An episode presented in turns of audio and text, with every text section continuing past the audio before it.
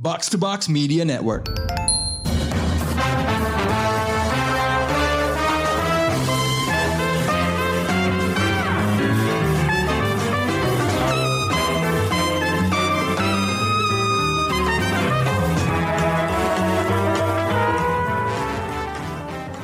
Halo pendengar Showbox, balik lagi kita di segmen Indonesia yang bakal mereview film Indonesia yang lagi hot saat ini. Film ini judulnya panjang ya, tapi cukup catchy menurut gue, yaitu Jatuh Cinta Seperti di Film-Film. Kalau diterjemahin ke bahasa Inggris, apa pun itu pastinya feel-nya udah kayak cerita-cerita romance barat ala While You Were Sleeping, The Runaway Bride, atau My Crazy Ex-Girlfriend gitu kesannya. Tapi ini film dalam negeri yang digarap oleh Yandi Lawrence dan dua pemeran utamanya diekspor dari film Yandi sebelumnya, yaitu Keluarga Cemara. Ya, di sini ada Ringo Agus Rahman dan Nirina Zubir. Jadi gue paham sih kenapa film ini dikejar-kejar sama banyak pencinta film. Karena mungkin mereka pengen ngeliat lagi ya kerjaannya tim sukses Keluarga Cemara yang main di sini. Tapi nggak cuma itu loh, film ini punya banyak keunikan lainnya. Jadi ayo kita ngobrol bareng Krisna dan Rengga yang udah nonton film ini. Dan bahkan Krisna udah mematok filmnya sebagai salah satu film yang masuk daftar comfort watch dia. Padahal belum lama ditonton kan, tapi udah Iya. jadi comfort watch aja gitu. Kok Hmm. bisa sih? Oke lah, ayo kita cari tahu. Nih gue pengen tanya nih sama Krisna. Gue pengen tahu spesifik dari lo, kenapa Mm-mm. filmnya lo tertarik? Karena seinget gue ya, Chris, gue correct Mm-mm. me if I'm wrong, tapi Mm-mm. bukannya fi- sinopsis film ini tuh kayak ini kan bercerita tentang CLBK ya, semacam gitu gitu. Oh iya iya iya. Dan CLBK ini bukannya salah satu trope yang lo nggak suka ya, kalau gue nggak suka ya. salah inget ya. Itu makanya gue nggak sih tidak gue? suka PES Live. tidak terlalu suka Nah, PES Live. itu dia, Ya. itu dia. Makanya kenapa akhirnya lo tertarik nonton film ini meskipun sinopsisnya Mm-mm. kayak gitu, gitu. Mm-mm. Mungkin apa ya? eh, awalnya sih gue tertarik karena ininya apa? eh, pertama gue suka banget keluarga Cemara dulu kan. Mm-mm. Jadi gue lumayan nunggu nih kan si Yandi kayaknya sejak keluarga Cemara dia belum pernah belum belum pernah bikin film apa-apa lagi kan film panjang. Dia pernah ngeluarin series tapi itu juga gue kelewat sih. Jadi Mm. itu dulu sih gitu. Terus kayak pas baca sinopsisnya ya sebenarnya gue belum terlalu ya benar kayak lu bilang tadi gue belum terlalu ke hook gitu. Tapi terus pas lihat trailernya kok kayak apa ya punya punya apa ya punya sesuatu yang unik nih filmnya nggak sekedar romance biasa. Jadi ya kayak gitu sih setelah gue lihat trailernya baru di situ gue eh, akhirnya memutuskan untuk eh, secepatnya nonton film ini ketika dirilis Oh gitu ya. Trailernya emang cut-nya bagus-bagus sih. Gue nonton Iya. semua trailer yang ada, yang tersedia, dan masing-masing trailer tuh kayak nampilin apa ya, ada sisi positifnya dari trailer itu yang akhirnya bikin orang pengen nonton gitu. Itu yang gue rasain sih pas nonton ya kan trailernya. Heeh, heeh. Oke, kalau Rengga, kenapa tertarik nonton? Gua pertama kali tahu film ini tuh justru langsung nonton trailernya di bioskop. Gue lupa waktu itu lagi nonton film apa, kemudian trailernya film ini. ah ya ya ya Iya iya gue pernah lihat juga di bioskop Nah, abis nonton trailernya, gue langsung memutuskan gue harus nonton film ini. Karena Lagi-lagi Seperti- karena trailer ya. betul seperti kata Nah. si kata Emi tadi, trailer itu bagus banget, cuttingnya, terus apa dialognya, ininya kayak pas banget kayak bener-bener langsung apa ya memikat gua gitu untuk gua harus nonton film ini. Kayak film ini bakal keren gitu. Dan ternyata emang iya. Sekeren itu. Emang iya gitu. Oh. terbukti Oke. iya. Nih, gue agak-agak, gue agak-agak ini ya, agak-agak heran kenapa film ini sering banget disebut sebagai romcom. Mm-mm. Karena kalau ngeliat trailernya itu nggak romcom romcom banget loh. Oke, memang ada sedikit komedi, sedikit humor Mm-mm. gitu, Mm-mm. tapi eh, sepertinya romance yang lebih berat gitu. Dan ternyata menurut lo berdua ini ini kan film ternyata meta banget kan. Banyak ngomongin dan nyindir industri dan proses produksi film di Indonesia. Nah, biasanya film tentang film begini itu suka nggak? Suka agak-agak apa ya? Pretentious. dan malah akhirnya penontonnya nggak nggak ngerti gitu nggak masuk karena terlalu cerdas gitu gimana sih Iya, kalau di iya. film ini tuh gimana analisa lo terhadap eh, format film dalam film dalam film ini Nah, itu dia. Itu yang bikin gue makin apa ya, makin terpikat sama film ini gitu ya. Karena betul meta banget ngomongin eh, hal-hal yang eh, industri banget yang sebenarnya mungkin kesannya nggak nggak nggak di nggak semua orang paham gitu kalau yang nggak ngulik film gitu ya. Tapi justru ini sama sekali nggak terasa apa ya, pretensius atau snob gitu. Kayak ini menurut gue sih ini contoh film yang apa ya, nganggap penontonnya tuh pinter gitu. Jadi nggak terasa snob gitu. Banyak Oh. jokesnya yang yang industri banget, tapi mungkin karena dibawainnya enak dan natural, jadi semua orang tuh jadi bisa nangkap lucunya juga gitu. Bahkan kayak ada salah satu contoh tuh eh, salah satu karakternya si Bagus yang diperanin sama si Ringo Agus kan dia ceritanya penulis naskah gitu ya. Mhm. Itu kayak dia ngejelasin eh, proses nulis eh, film lah gitu. Mhm. Tapi karena dibawainnya ngalir banget, terus itu juga eh, konteksnya mereka lagi ngobrol sambil makan gitu. Itu jadinya enak banget dan menurut gue sih bisa dimengerti sama inilah ya, sama semua penonton lah ya. Gue nonton di bioskop gitu di bagian jokes-jokesnya yang terasa kayak apa ya mungkin sinetfil banget gitu ya ngomongin industri apa segala macam tapi semua orang tuh ketawa gitu karena emang emang bisa dibawain ini lucu gitu Oh, oke. Sih. Pengalaman lo sama, Mm-mm. Reng, sama Krisna, bahwa orang ketawa di bagian yang yang meta yang yang katanya tadi lucu itu gitu. Iya sama, Sama juga. sama. Kalian nggak nonton bareng kan? Enggak, Enggak, enggak. Eh, Beda-beda kan nontonnya. gue nonton di PIM dan Oh, itu oke. crowdnya eh lu nggak yang nonton nggak banyak, tapi crowdnya seru dan dan dan ketawa pada saat hal-hal yang lucu gitu. Maksudnya apa ya? Ha- semua orang ngerti ya, se- semua orang ngerti gitu, lucunya di mana gitu. Bahkan ada adegan yang sebenarnya gue kurang nangkep, tapi kemudian gue nonton kebetulan sama bunga, bunga ngakak kayak apaan sih gitu. Itu tadi kan si ini yang pas adegan ini Celine Dion. oh itu gue nggak bahkan setelah tahu itu gitu. Dan semua orang Oh, eh, ketawa gitu.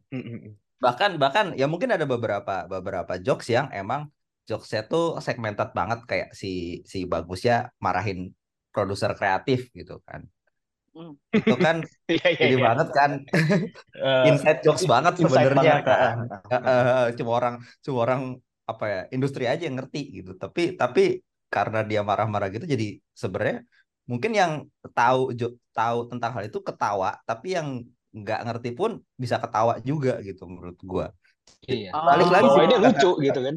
soalnya lucu gitu So- bener kata Krista kayak karena ngebawa ini santai sambil ngobrol eh, ngalir itu yang paling penting ngalir itu jadinya nggak kelihatan pretensius sama sekali nggak kelihatan ngajarin sama sekali Iya, itu betul. sih kekuatannya Kayak sih. sharing aja gitu kan. betul kayak sharing aja gitu apalagi yang pas bagian bagaimana si bagus menjelaskan eh nulis skrip naskah tuh begini loh gitu benar-benar adegannya itu sambil ngobrol gitu kayak Iya. nih gini nih gitu caranya gua nulis naskah kira-kira begini lah gitu Kalau di kalau lihat di trailer ya adegan-adegan Mm-mm. metanya seperti yang eh, contohnya di trailer itu kan banyak nampilin si Alex Abad sebagai produsernya ya. Iya. itu dari situ aja secuil dialog di situ aja gue udah bisa menangkap bahwa wah ini jokesnya kayaknya inside jokes industri banget gitu jadi meta Heeh. banget gitu dan Heeh. tapi kok buat gue itu it works gitu loh Iya, Karena- betul. dengan cara ngomong kayak apa ini film hitam hitam putih bukan eh, apa film apa ya film apa horor apa art house apa horor Mm-mm. gitu dia bilang terus Mm-mm. dia terus si bagusnya cepet-cepet bilang oh bukan pak ini komersial gitu dari situ aja gue udah bisa ketawa padahal itu cuma trailer doang gitu Iya, Itu lucu Jadi banget bagian- ngobrolnya. iya Ba- iya jadi intinya bagian metanya itu kadang jadi jokesnya gitu dan ini Iya. tetap works buat kalian Works banget.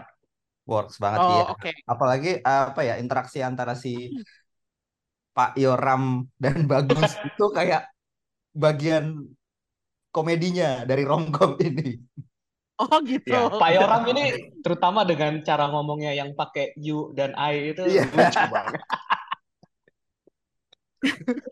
Dia Sangat- nu- apa ya ngebawain kayak bos sini kayaknya. bos studio film yang ya yang apa ya dia ngerti film tapi gimana caranya film tuh buat komersial laku segala macam itu itu lucu banget sih. Iya, heeh. Itu ada sih di trailer yang dia ngomong katanya kalau orang-orang nangis di premiere terus nanti bakal dijadiin promo buat eh, Gimmick, filmnya. iya.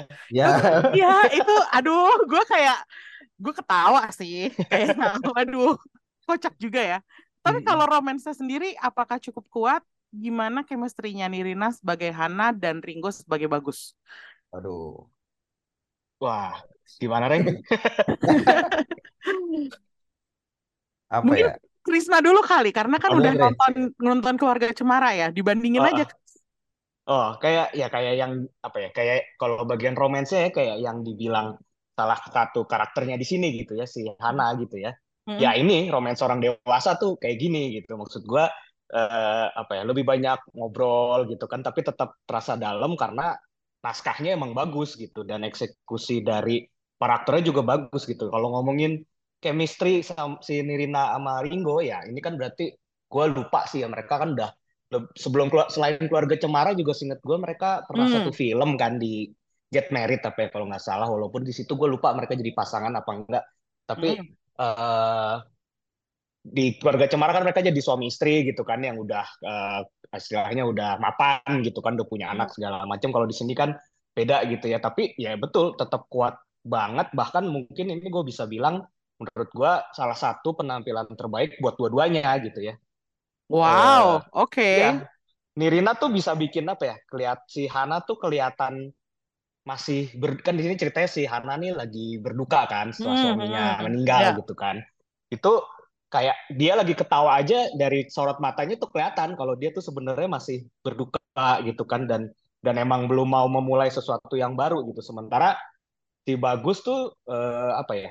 Menurut gua karakter tuh nyebelin banget, kelihatan nyebelin banget dan nggak Iya, iya. sensitif gitu ya. Tapi ada developmentnya gitu itu gue suka gitu jadi eh, apa ya eh, gue apa ya gue ngeliat dia di awal gue tahu dia nyebelin banget gue sebel banget sama dia tapi gue tahu ini bakal jalan apa ya karakter dia bakal inilah bakal ada developmentnya di mana di satu titik gue akhirnya bisa maafin dia gitu gue gue bisa ngerasain itu dari awal gitu dan dan ketika mereka berinteraksi gitu dengan dengan background dan uh, karakter yang sebenarnya bertolak belakang gitu ya itu terasa ngalir banget itu makanya chemistry-nya gila sih keren sih mereka Oh, oke Mm-mm. oke.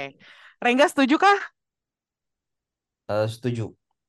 Soalnya apa sangat terbantu dengan ini sih. Mereka udah kerja bareng di ini kan, di dua film terakhir kan. Keluarga Hmm. Cemara satu dan dua kan, dan pasti chemistry-nya udah terbangun banget tuh di situ. Mm-mm. Sini beneran kelihatan sih emang mereka ngebangun chemistry-nya apa ya, nggak main-main sih. Hmm. Dan bagus banget dan apa ya. Gua menurut gua Ringo Agus Rahman itu salah satu aktor yang sangat underrated Oh gitu. di perfilman Indonesia. Iya, buat gua ya. Oh, Gue pribadi iya ya. sih, iya sih. Soalnya dia dia kan apa ya? Eh sa- terkenalnya kan karena dia emang main di film komedi kan dan emang jujur mukanya komedi banget sih. mungkin karena Iya dulu sih. ini kali karena dulu eh, awal-awal film dia tuh dia lumayan stereotype gitu kan Iya jadi yang betul. agak-agak gimana gitu kan Ya emang karena ada ada karena karena mukanya lumayan khas juga kan betul. Ya emang mukanya ke muka komedi sih. iya Hmm, hmm, hmm, Terbukti dan dia komedik timingnya emang bagus sih si Ringo ini. Kelihatan pas adegan terakhir yang apa bajunya nyangkut di mobil itu gue ngakak ngakak ngakaknya. Sumpah itu lucu banget. Gue udah lama nggak ketawa segitunya di bioskop. Eh, apa namanya? Tapi selain sebagai aktor komedi, dia itu sebenarnya juga jago acting serius. Oke. Dia tuh jago Oh. apa ya? Jago memainkan emosi menurut gua. Dan, Hmm, dan di sini itu kelihatan gitu loh. hmm. Nah, dia bisa menampilkan emosi emosi sedih, nangis dan itu kelihatan kelihatan apa ya? Natural gitu buat gua natural betul buat gua gitu. Kalau kalau apa ya? Gue coba membandingkan sama siapa ya? Sama Reza gitu. Hmm. Misalkan Reza Reza itu Rahadian. aktor yang sangat serba bisa, semua bisa dia, semua ngerjain gitu. Hmm. Tapi ketika gue lihat Reza, bahkan gue bisa bilang Reza itu salah satu aktor paling bagus di Indonesia lah. Hmm. Uh, tapi kalau ketika gue lihat Reza main, gue bisa lihat Reza itu acting gitu. Gue nggak sih? Ya, Ya. ngerti. Iya iya iya. Ketika gue lihat Ringo main, dia kayak natural aja actingnya, jadi jadi orang itu. Gitu. Mm. Hmm, iya gue paham sih. Tapi apakah kalian relate sama karakter-karakter ini yang ya dewasa, udah dewasa, mereka Mm. bukan remaja lagi. Itu kalian merasa relate kah dengan karakter-karakter yang dimainkan sama Hana dan Ringo? Mungkin Oh, iya space. ya udah silakan. Kenapa Reng? silakan bisa. gue mau nyebut itu aja. Silakan. Ntar gue elaborate.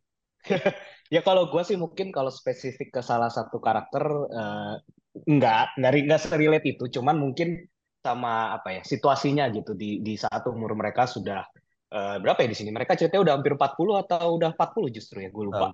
40-an lah katanya. 40-an awal gitu lah ya. Ya. Ya, maksudnya gue bisa bisa relate kayak ya emang apa ya eh romance di umur segitu tuh udah bukan yang eh, kayak orang remaja atau umur 20-an awal gitu yang meletup-letup segala macam. Di sini kan lebih banyak ngobrol, lebih banyak sharing gitu kan segala macam Eh, ya cerita soal kerjaan, cerita soal pengalaman apa segala macam. Di situnya gue relate banget sih dan itu di sini dialognya bagus gitu ketika mereka ngobrol sambil makan atau kayak ada satu adegan apa ya nyetir bareng di mobil itu itu semuanya ya ya ya begitulah orang in relationship di umur segitu Hmm, gitu. hmm, hmm. Oke, kalau Rengga,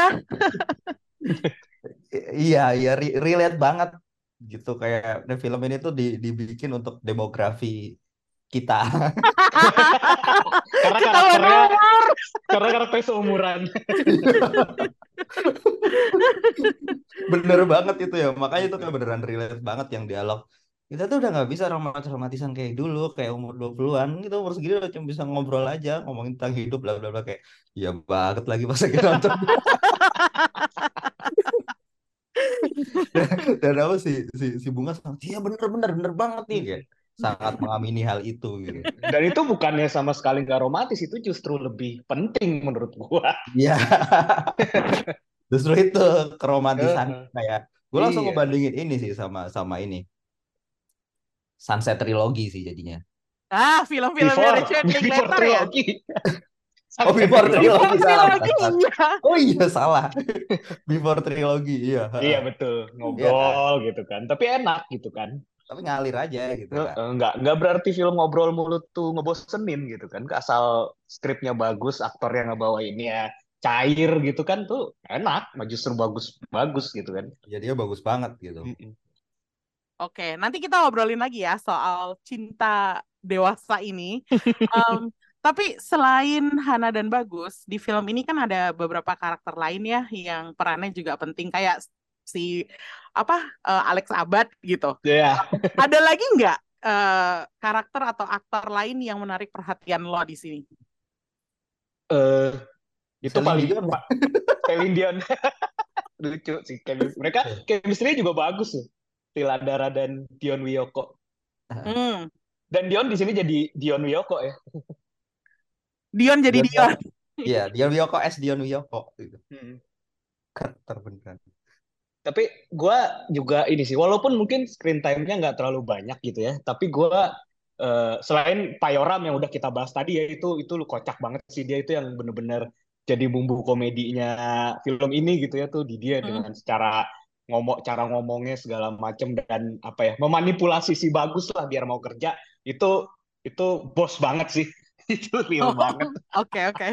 Tapi gue juga menarik si Julie Estelle justru karena di sini kan Julie Estelle ceritanya mainin karakter Hana di film dalam filmnya gitu kan. Hmm. Nah, yang gue suka banyak adegan kayak yang plek-plekan kan sama adegan yang uh, dilakuin sama Nirina gitu ya. Tapi di sini tuh bisa gimana ya? Si Julie Estelle tuh nunjukin kalau di situ itu dia lagi berakting gitu. Sementara si Nirina kelihatan dia emang lagi menjalani hidupnya secara alami gitu. Sementara si si siapa? Si Julia Estelle pas action gitu. Itu dia beneran berakting menjadi Hana gitu ya. Tapi begitu cut dia balik lagi jadi Julia Estelle yang biasa gitu. Itu itu gue suka banget sih. transisinya. Oh, oke oke. Mm-mm. Kebayang sih, itu pasti keren banget ya. Iya, karena digambarinnya beneran bajunya sama, rambutnya sama gitu. Tapi lu bisa kayak bisa ngerasain beda gitu antara Hana yang di dunia nyata dengan Hana yang lagi diperanin seseorang aktor gitu. Hmm, oke oke.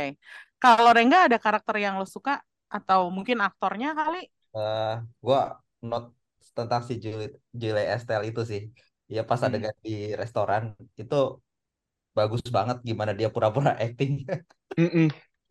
Hmm. Gimana dia ceritanya acting terus kemudian kayak balik lagi ke biasa gitu. Kayak pasti kayak pura-pura acting terus tiba-tiba acting beneran terus kayak ya gitulah gitu.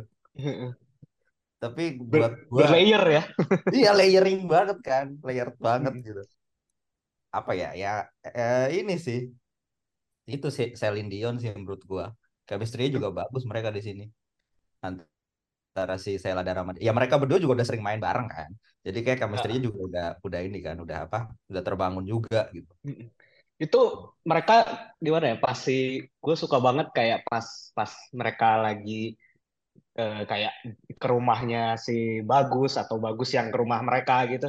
Itu beneran kayak mereka kayak lagi main gitu, bukan Iya. lagi acting. Hmm. Cara si oke. siapa si Celine ngasih tahu si Bagus lu tuh harus minta izin segala macem lu gimana sih gitu-gitu. Itu kayak beneran teman lagi ngasih tahu temen gitu loh. Itu gue suka banget sih. Oh, oke. Beneran beneran ngalir dan alami gitu acting-acting pemainnya semua di sini. Hmm, semuanya ya, jadi rata gitu ya.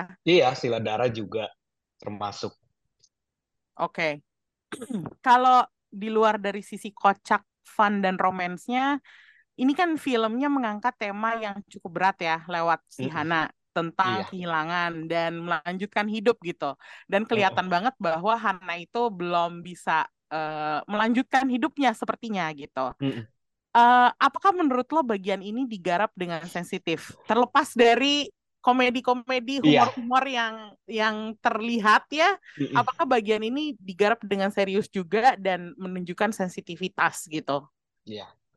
Ini satu lagi hal yang bikin gue terpikat banget sama film ini sih apa ya? Gue nggak pernah, gue nggak pernah sih ngerasain kehilangan kayak Hana gitu, yang di posisi kayak Hana gitu. Jadi, tapi ya gue suka jadi eh, apa ya? Gue jadi suka cara film ini nunjukin kalau yang ngerti rasanya kehilangan itu ya cuman yang ngalamin gitu. Orang juga nggak Hmm. bisa apa ya, nggak bisa maksa buat lo harus move on, lo nggak bisa gini terus itu nggak bisa gitu. Itu itu ya yang yang tahu, yang ngalamin itu kan si yang yang kehilangan itu gitu kan. Dan itu gue suka di sini kayak gitu gitu.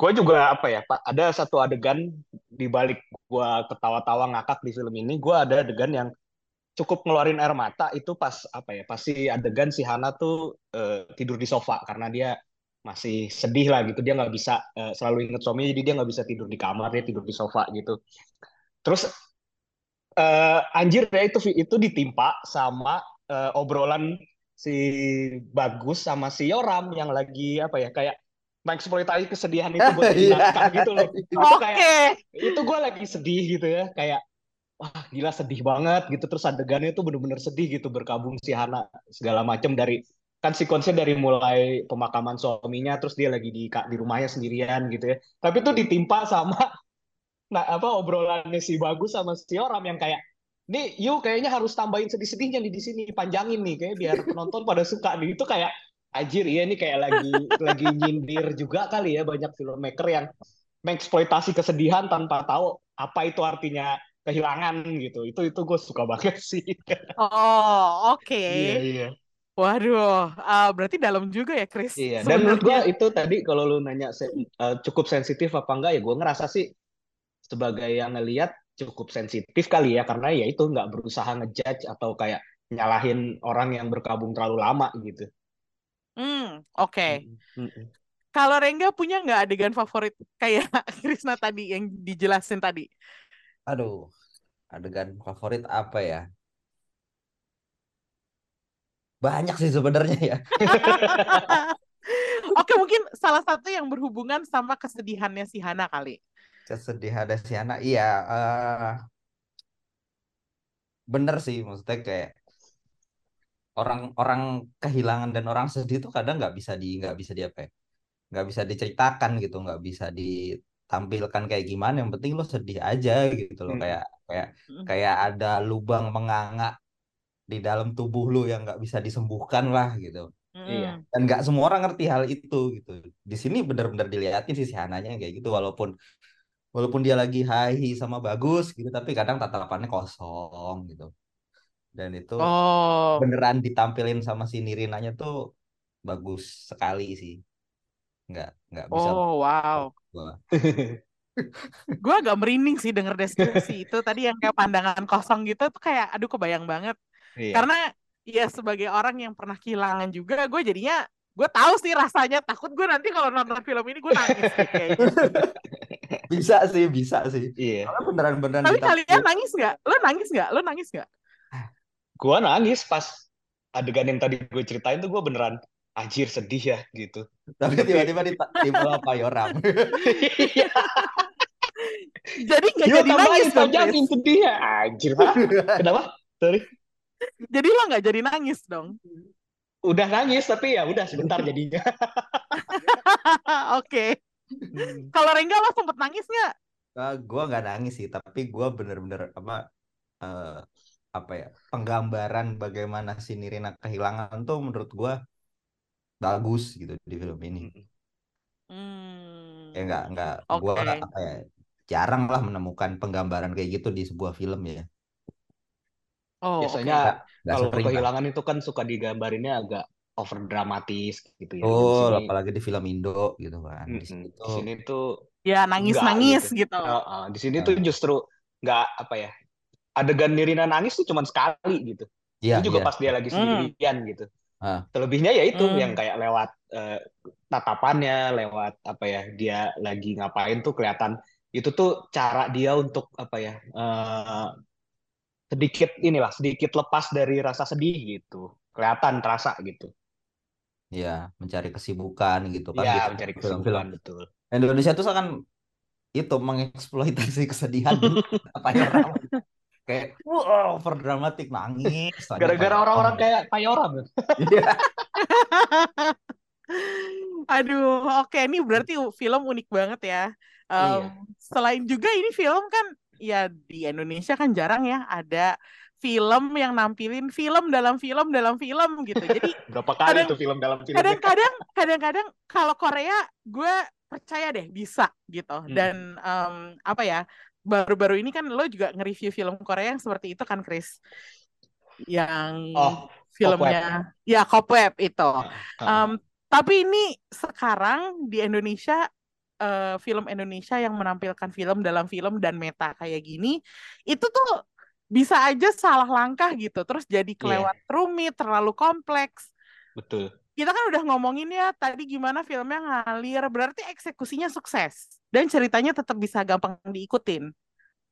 Nah, itu dia. Sa- sa- satu lagi yang paling gua s- eh, apa ya eh, terpukau sama film ini itu ternyata eksekusinya tuh smooth banget. Karena Jir, ini berarti naskahnya rapih banget nih. Gua nggak kebayang sih gimana nulisnya kayak berlayer-layer gitu. Tapi ya bener kayak gua bener-bener nggak nggak nggak sedetik pun lost gitu. Ini lagi di mana ini lagi di mana. Walaupun memang ada yang sedikit kayak apa ya twist lah gitu mengejutkan kayak ternyata oh ini masih film gitu. Tapi pas lewat itu kayak oh jadi kayak langsung semuanya make sense gitu. oh oke. Mm-mm. oke. Buat loreng rapi? Flawless. Flawless. Wow high praise. Eksekusinya gila sih. eksekusinya gi- gila banget sih Mm. gitu.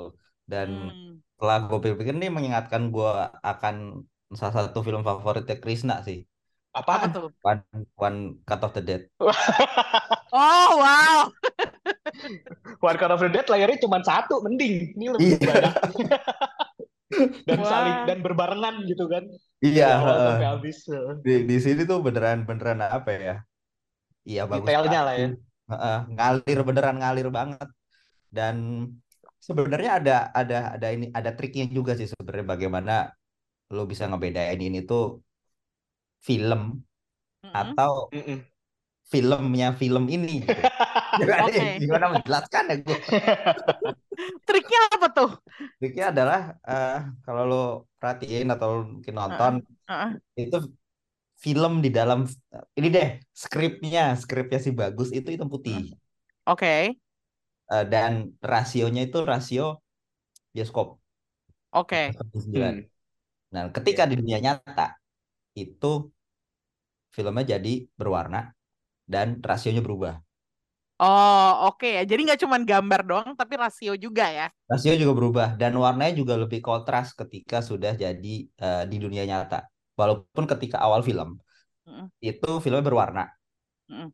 Tapi rasionya udah rasio ini nih, udah rasio film dan warnanya Oh, dan warnanya berwarna biasa. Tapi begitu udah ternyata itu di dunia nyata gitu, itu eh, kontrasnya lebih lebih apa? Lebih dalam, lebih kontras gitu warnanya. oh, oke, oke, Terus oke. rasionya berubah gitu. Jadi kayak Iya. ini bagus banget sih cara ngebedain. Teknis ya. Hmm. Teknisnya bagus banget sih. Makanya kenapa gue bilang flawless tuh gitu gitu. Buat orang yang kayak nggak ngeh tapi ngelihat ada perbedaan gitu, jadi bisa langsung ngeh gitu.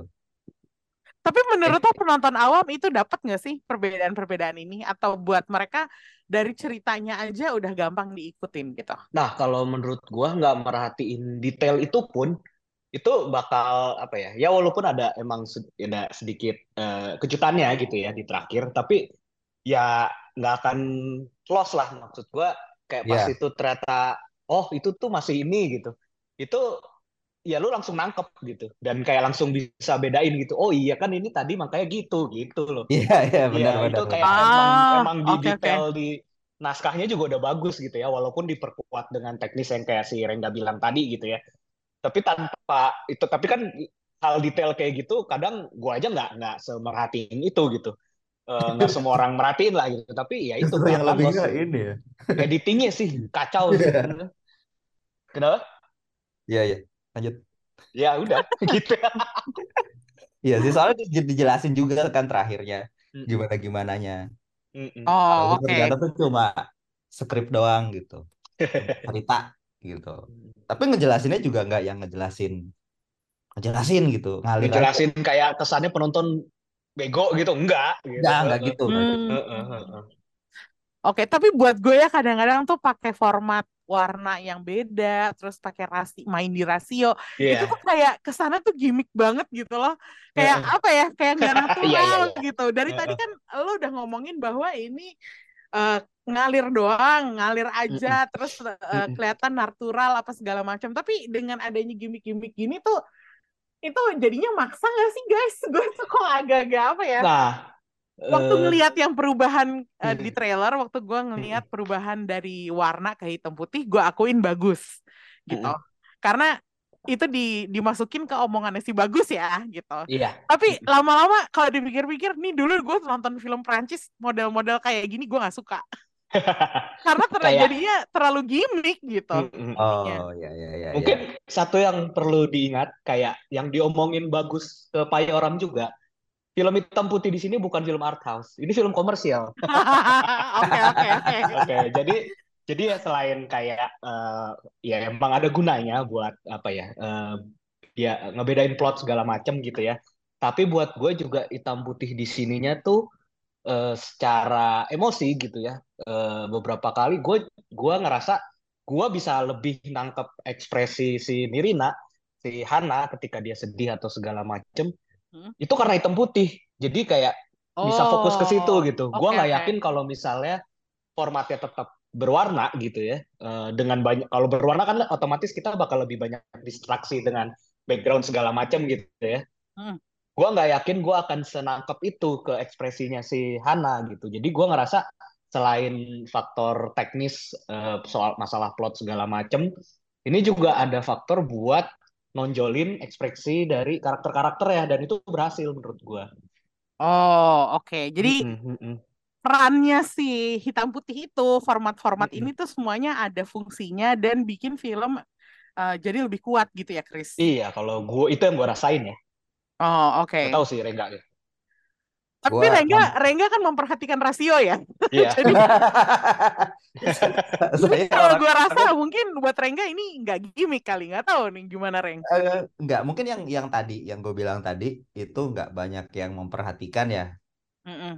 orang-orang yang merhatiin film segitunya gitu kayak kayak gua gitu contoh ya Christian tadi gue cuma nambahin nambahin yang bagian hitam putih itu menurut gue hitam putih di sini itu nggak cuma apa yang Krisna bilang tapi hitam putih itu beneran digarap hitam Hmm. putih maksudnya kontrasnya dapet terus nggak cuma kita bikin film berwarna habis itu ditimpa filter hitam putih jadi film hitam putih gitu nggak Ya, nggak gitu enggak, enggak. Iya. nggak Oh, gitu oke oke gitu oke oke. ini beneran beneran dipikirin nih kalau hitam putih warnanya bakal kayak gimana mereka mereka kan pasti syutingnya berwarna ya kalau mungkin hitam Iya. putih Iya iya iya iya. Nah, jadi mereka bener dipikirin ntar kalau misalkan film hitam putih bakal kayak gimana hasilnya gitu Oh, oke. Betul, Jadi dari betul. saat syuting tuh udah dipikirin, udah udah di, udah direncanain gitu ya. Nanti betul hasilnya jadinya gimana gitu, nggak betul nggak main jadi asal pakai filter doang gitu. yes jadi itu bener-bener jadinya bagus banget bayangin lu ada ada di ada adegan lu di pasar bunga Mm-mm. mm-mm. itu kan kalau kalau kalau lu hitam Iya putih betul. ya pasti bakal blend banget ya gitu. Mm-mm. lu di pasar kem- pasar bunga tapi film hitam putih gitu tapi Mm. di situ adegannya ya bagus gitu bunganya menurut gua keluar gitu warnanya walaupun film itu hitam putih makanya gue bilang kontrasnya bagus banget Oh, oke oke. Makanya tetap ini hitam putihnya tuh ya benar tetap terasa. Ini tuh bukan film yang berusaha stylish gitu loh. Iya iya iya Maksud gua Hmm. ya tapi tetap dia mikirin hitam putihnya tuh tetap bikin nyaman penonton yang nggak nggak biar apa ya yang terbiasa nonton dengan format standar aja gitu. Itu tetap ya nyaman gitu. Oke oke. Nih dari tadi nih kalian nyebut adegan demi adegan keluar, yang mungkin sebelumnya lu belum pernah pikirin gitu, tapi ada nggak sih sekarang nih adegannya yang saking berkesan setelah eh, sekian lama lo nonton sampai sekarang masih keinget? Itu ada nggak? Gua selain yang tadi gue sebut soal Hana yang lagi sedih itu ya, Hah? ada adegan yang mungkin tadi yang tadi sedikit Rengga singgung juga. Sebenarnya adegannya itu kocak gitu, adegan motor ini, motor galon. Oke. Itu sebenarnya gue sempet agak, wah kenapa adegannya tiba-tiba jadi kayak begini gitu. Tapi terus gue inget judul filmnya, Jatuh Cinta Seperti di Film-Film gitu. Terus kayak, oh ternyata tujuan adegan itu buat nunjukin apa ya, eh, adegan-adegan standar yang biasa dipakai di film-film gitu. Jadi oh, kayak oke oke oke. kayak di kayak dan menurut gue itu keren banget teknisnya gitu. Kayak dia naik motor galon terus berbagai macam. Jadi kan bertiga gitu ya. Salah satunya si Selin Selin yang diperanin Sheila Dara dia kan ceritanya Hmm, di sini profesinya editor kan editor hmm, film gitu kan. Jadi dia ngerti banget teknis film gitu. Terus dia kayak ngejelasin oh ini biasanya kita kalau kondisinya kayak gini eh, shotnya pakai ini pakai drone terus pakai apa terus kayak lu split split screen satu muka lu satu muka si Hana gini gini gini itu keren banget gitu terus di- ditambah eh, musik yang eh, apa agak-agak ala eh, endingnya 127 Hours yang pakai lagu Sigur Rós tuh agak mirip lagunya tuh Oh, iya makin bener lagi ya wah gila makin makin anjir nih sebenarnya agak keluar dari tone filmnya tapi keren gitu gue suka banget teknisnya di situ Oh, oke. Berarti ini Mm-mm. adegannya samakah dengan yang Rengga sebut tadi di awal? Mungkin yang Rengga eh si Rengga tadi yang di beda klimaks sih beda kali Rengga beda. Eh, apa ya gue sebenarnya balik lagi sih ada banyak sebenarnya tapi gue Hmm. coba pilih aja ya. Eh, salah satu yang paling gue ingat itu ini adegan Oke. sebelum eh, ini naik motor galon. Jadi Ah, ketika sebelum oh. naik motornya. iya berarti sebelum adegan yang gue ceritain tadi. Iya sebelum adegan itu kan ada kayak mereka udah kayak mana sih ngilang? Ada salah satu krunya ngobrol sama produser kreatifnya itu tadi kayak oh ya itu kayak ini adegan ngapain sih? Lama lagi. Ah lama nih gini nih kerja sama sutradara baru bla bla bla bla bla ngomel gitu kayak ini adegan pentingnya apa ya? Kemudian punchline-nya lucu banget lagi. Jadi si si si si krunya tuh bilang ah gue butuh kopi nih. Terus dia megang HT-nya kan bilang bikin gue kopi dong gitu. Iya Hmm. bang bentar gitu. Panas apa dingin bang? Panas boleh. Gini gini gini gini ya udah. Tapi nggak bisa bang. Kenapa? Airnya nggak ada. Habis itu langsung cut gitu tiba-tiba mereka bertiga naik motor galon airnya dibawa sama mereka. Itu lucu banget. Oke. transisinya ya? Iya itu itu itu itu apa ya? Komedinya jenius sih menurutku. Timing komedi yang Iya itu setupnya berarti tuh gitu. bagus gitu, Oh, build oh, up-nya oh, setupnya bagus. tuh lama banget. Gue bilang kayak nih nih apa nih? Build up buat apa nih? Setupnya apa nih? Punchline-nya kalau nggak lucu garing nih gue bilang. Ternyata anjing, Tapi ternyata banget. lucu gitu ya. ternyata lucu. Lucu banget beneran. Itu sama adegan itu sih tadi yang gue bilang yang endingnya adalah ketika si jadi ending jadi adegan adegannya tuh si Dirina lagi mau pergi mau pergi naik mobil terus si bagusnya kayak ngedor ngedor pintunya pintu mobilnya. Mm-mm. coba menjelaskan lah "Ini siapa? Hana dengerin gue dong. Nak nak nak nak gitu. Tapi kayak mobilnya jalan aja terus gitu. Tapi si si si apa bagusnya masih gedor-gedor pintu gitu kan. Sama Mm. nah dengerin dulu nak, nak. Dengerin dulu. Sampai akhirnya nak nak nak nak, nak. ternyata bajunya nyangkut di pintu mobil. Itu Hah? ini apa? Itu cuma lucu banget lo harus nonton sendiri gue masih ngakak lagi aja Berarti sukses dong. sukses banget. Itu kayak ad- lu dari adegan adegan serius nol tiba-tiba langsung jadi komedi ke 100 gitu loh kayak. Lu gimana bisa mengubah adegan yang serius tiba-tiba jadi komedi gitu? Hmm. cuma Gua- doang yang bisa begitu. Apalagi iya Ringo- betul. Ringo kan bukannya komedi ya tiba-tiba langsung iya iya. komedi itu kayak Gue Ah. gak usah nonton filmnya denger deskripsi lo aja. Gue dari tadi udah cekikikan sendiri sampai gue Iya. harus mute gitu. Kayak, wah. Oke oke.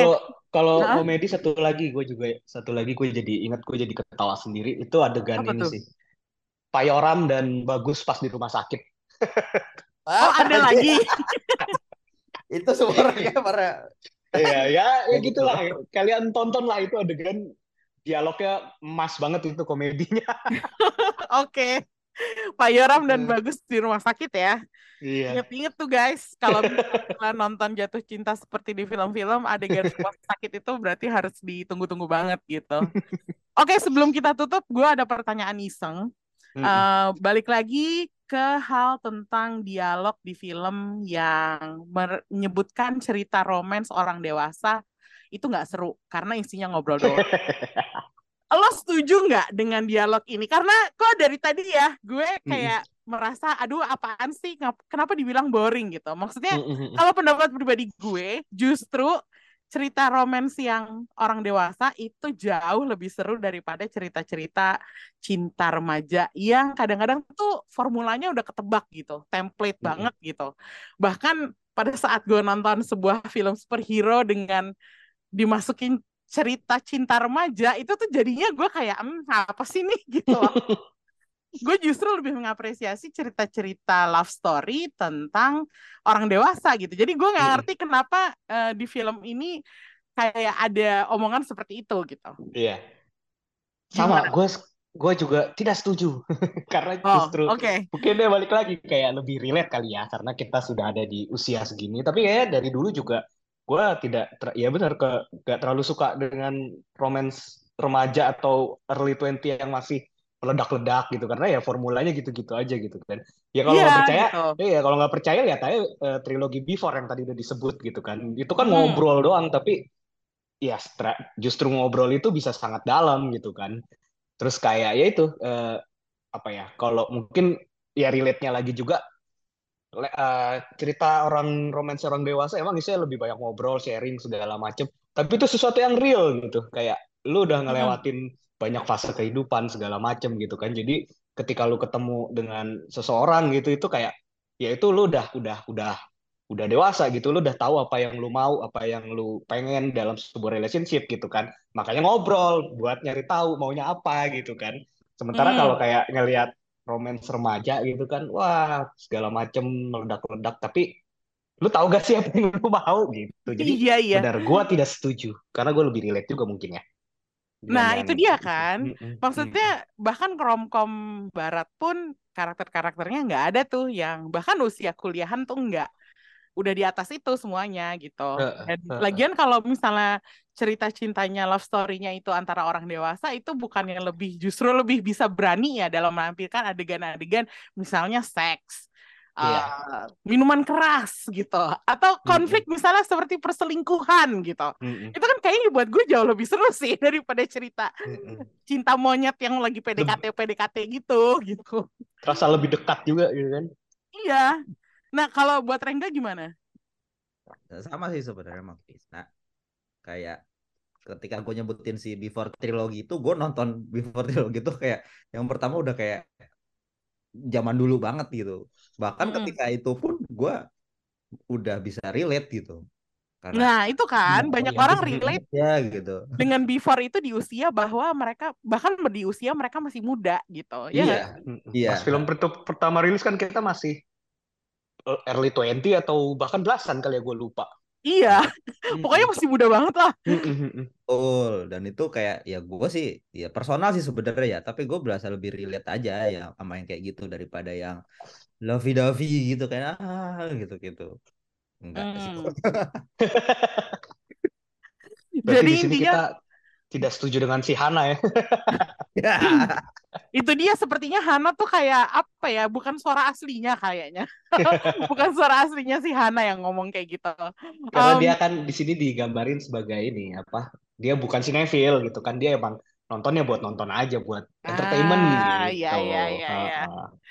Oke oke, tapi intinya ini film eh, emang berhasil ya dalam menampilkan love story dewasa yang ternyata nggak harus eh, su- satu suara doang gitu. Jadi bisa Iya. berlapis, bisa dalam, bisa Mm-mm. ringan dengan nambahin komedi gitu. Jadi emang ini essentially this is kayak kalau menurut gue ini sepertinya masterpiece-nya si Yandi Lawrence sih kalau menurut gue untuk sejauh ini ya. Tapi kita harus ngelihat lagi nih ke depannya gimana. Setelah film ini, kira-kira apakah lo bakal lebih merhatiin proyek-proyek Yandi sel- selanjutnya? Atau lo menantikan atau lo berharap dia gimana? Yes, pastinya karena ya gue suka banget eh, keluarga Cemara karena di situ dia bisa nampilin kesederhanaan gitu ya. Karena filmnya kan terasa sangat sederhana, sangat eh, heartwarming gitu kan. Mm-mm. Sementara di sini dia bisa apa ya ngeluarin yaitu romance yang dewasa yang menyentuh tentang kehilangan bahkan yang lumayan serius gitu. Terus dia juga bisa eh, dia juga apa ya sinetfil juga dia kayaknya ya dia tahu ya jokes jokes para sinetfil suka ngomongin industri gitu ya itu itu komplit banget gitu film ini gitu jadi ya pastinya gue akan semoga nggak selama ini ya antara eh, apa eh, keluarga Cemara ke sini kan lumayan lama ya keluarga Cemara udah berapa tahun lalu semoga nextnya sih dia nggak selama ini ya tapi gue pastinya sih bakal nungguin dan pengen tahu lagi apa lagi nih yang bakal dia bikin gitu semoga dia bisa nampilin yang beda juga lagi gitu genrenya nggak Oke. Dan Gitu. jangan lupa ya di sini dia juga penulis naskah. Jadi Mm-mm. itu harus dilihat lagi nih, apakah dia kalau nulis naskah itu emang sesolid itu gitu. iya mm-mm.